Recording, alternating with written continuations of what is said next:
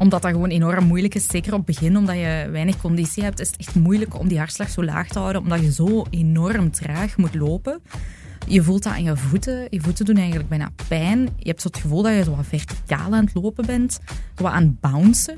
J'arrivais euh, vaille que vaille à courir 2-3 km, mais vraiment l'enfer. euh, à bout de souffle, euh, plus de jambes, euh, aucun intérêt, aucun amusement. très très difficile. Naar Startline je want moet je zoals onze ambassadeurs zeggen, dat doet soms pijn.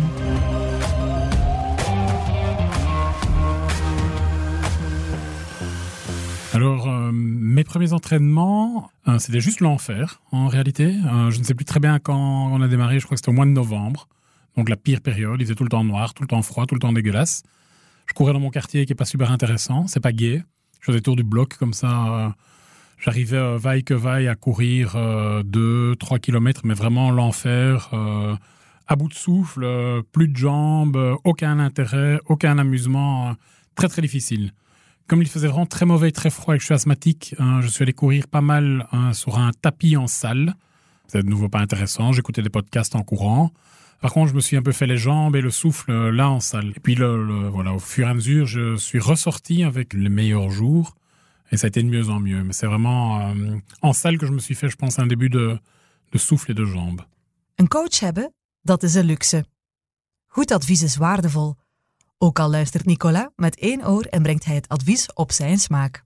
Euh, J'ai commencé à m'améliorer après les premiers conseils de Bart, notre coach, qui m'a convaincu de courir doucement. Ça, ça a été vraiment le début de, de la solution. C'est que je, je courais trop vite. Een trainingsplan wordt over het algemeen opgebouwd over drie tot zes maanden, afhankelijk van het doel. Drie tot zes maanden waarin je geconcentreerd en toegewijd moet werken. Dat is een lange tijd. Wie ook luistert, die heeft dit al gedaan. Sportschoenen aantrekken en denken: het is voor morgen, of volgende week, of zaterdag, dan ga ik het wel doen. Je begint steeds meer redenen te vinden om je training uit te stellen. En de motivatie? Nu ja, Moi, mes plus gros obstacles, euh, c'est pas très compliqué pour le moment, ce sont mes genoux. C'est le temps que j'ai à disposition, que je consacre à l'entraînement. J'ai vraiment très peu de temps dans mon organisation de journée, c'est très compliqué. Je pense que c'est à peu près tout. La motivation, elle est intacte. Euh, oui, j'ai un, autre euh, obstacle très très fort chez moi, c'est que je suis très vite content. Donc, euh, quand j'atteins un palier, je considère que l'affaire est pliée et que ça va bien se passer. Et donc, je dois lutter contre moi pour repartir, continuer, ressortir. et je suis pas assez régulier, à mon avis. Je devrais maintenant commencer à tout doucement faire trois sorties par semaine je suis plutôt à deux. Donc, je devrais accélérer un peu le nombre de sorties. Ik herinner mij dat de eerste runs best wel op zich goed gingen. Ik weet dat als ik voor dit programma ging lopen, dat, zoals Bart en anderen ook beaamd hebben, dat ik eigenlijk te snel ging. Ik niet alleen, iedereen doet dat over het algemeen. Je gaat te snel, je wil te snel hard lopen. Dat heb ik toen niet gedaan. Dus eigenlijk, die eerste run ging echt wel goed. Want ik moest zodanig op mijn hartslag letten en dat het eigenlijk totaal geen probleem was om die run uit te lopen. En dat vond ik heel leuk, want ik kwam thuis en ik was totaal niet uitgeput. Uiteraard had ik het gevoel dat, dat ik was gaan lopen, zeker wel aan het zweten. Ja, hartslag is een pak hoger. Maar ik had niet het gevoel dat ik totaal uitgeput was en niets meer kon doen. En dat vond ik eigenlijk wel een heel leuk gevoel. Ik heb wekelijks eh, drie trainingen op het programma staan en dat is eigenlijk altijd iets anders. Er zit eigenlijk altijd een relatief korte run in aan een normaal tempo dat, dat haalbaar is. Er zit ook altijd een lange run in aan een iets trager tempo.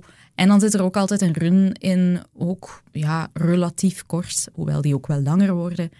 Uh, met intervals, dus spurtjes of een tiental minuten aan een hogere snelheid lopen of een hogere hartslag. Dat is toch wel mijn favoriet. Begin, omdat je weinig conditie hebt, is het echt moeilijk om die hartslag zo laag te houden, omdat je zo enorm traag moet lopen. Dat het bijna wandelen is, dat het bijna meer moeite kost dan snel lopen. Je voelt dat aan je voeten. Je voeten doen eigenlijk bijna pijn. Je hebt zo het gevoel dat je zo wat verticaal aan het lopen bent, zo aan het bouncen. De steun van je coach of wie je steunt in je entourage is belangrijk. Ik had een verrassing voor onze lopers. Met wie beginnen we? Liesel? Hallo, ik ben Leander Lieselaarman. No! Liesel, toen je mij vertelde over Mediafin Moves en de 20 kilometer van Brussel, dacht ik, wow, 20 kilometer, dat is echt wel veel. Dat doe je niet zomaar. Maar ik wist wel onmiddellijk dat jij dat ging kunnen, want je hebt een ongelooflijk doorzettingsvermogen. En dat heb je tot nu toe in de trainingen ook laten zien. Regen of zon, traag of snel, zin of geen zin, het maakt jou allemaal niet uit. Jij werkt elke training tot een seconde af en dat is echt mooi om te zien. Heel veel succes met de verdere training op de 10 miles en de 20 kilometer van Brussel. Eén ding is zeker, we starten samen, maar wie er eerst over de finishlijn loopt, dat zullen we dan pas weten. Uh. Doei. Ik vind het wel uh, heel grappig, want we hadden het er dit weekend nog over. Mijn man is dus al ondertussen meer dan een maand geblesseerd. Maar zijn doel is ook wel om die 20 kilometer van Brussel samen met mij te lopen. En ik zei dit weekend, je gaat dat zien hè. Wij gaan die samen lopen. Jij bent meer dan een maand geblesseerd geweest. Ik heb hier zes maanden zitten trainen. En jij gaat dat sowieso voor mij finishen hè. Zo'n dingen gebeuren echt, dat zo typisch. En hij zei nog tegen mij, deze keer ben ik er niet zeker van. Liesel en Herman maken er dus een wedstrijd van. Maar een andere familie, een andere sfeer. Bonjour, je suis Delphine, la compagne de Nicolas, et je suis avec nos filles Apolline et Capucine.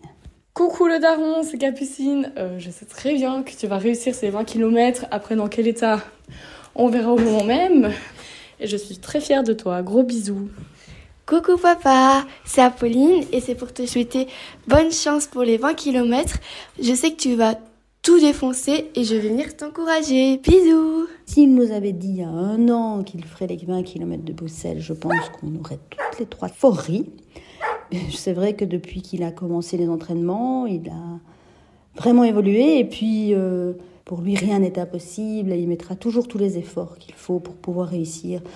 Et sache, euh, même si tu termines les 20 km dans la voiture balai, c'est pas grave, nous on sera fiers. Pense à la super grosse frite mitraillette que tu pourras euh, manger après les 20 km parce que tu les auras quand même fort, fort méritées. Bah c'est super, je suis euh, très très étonné euh, que vous ayez réussi à les interroger. Non, c'est top, je suis, je suis ravi qu'elle soit derrière moi. Delphine m'accompagne, euh, sera derrière moi au propre comme figuré parce qu'elle fait les 20 km mais à pied. Donc ce sera elle le camion balai. Si jamais je clame, c'est celle qui va me ramasser et j'espère que mes filles et le chien que vous avez entendu sur la bande seront sur la passerelle euh, au début de l'avenue de Tervuren parce qu'on habite pas loin de là. Et donc j'espère qu'elles seront là pour euh, m'encourager dans cette dernière ligne droite, mais je n'en doute pas. Oef, dan blijven er nog wat vragen onbeantwoord. Vooraleer we zullen weten of Liesel haar man zal verslaan in de 20 kilometer van Brussel en of Nicola met zijn gezin een mitraillet zal eten achteraf, hebben ze nog een paar weken om te trainen. Heb jij trouwens ook een doel? Een trail van 10 kilometer hier, een halve marathon daar? In de volgende aflevering trekken we naar Gent. Ik neem je mee naar hun coach, Bart de Klerk, in de kantoren van Energy Lab. We praten over trainingsschema's en beginnersfouten. En ik geef jullie natuurlijk ook een update over onze hardlopers. Tot ziens in Gent. Bedankt voor het luisteren naar Startline. Een podcast geproduceerd door Mediafin en beschikbaar op je favoriete podcast-app.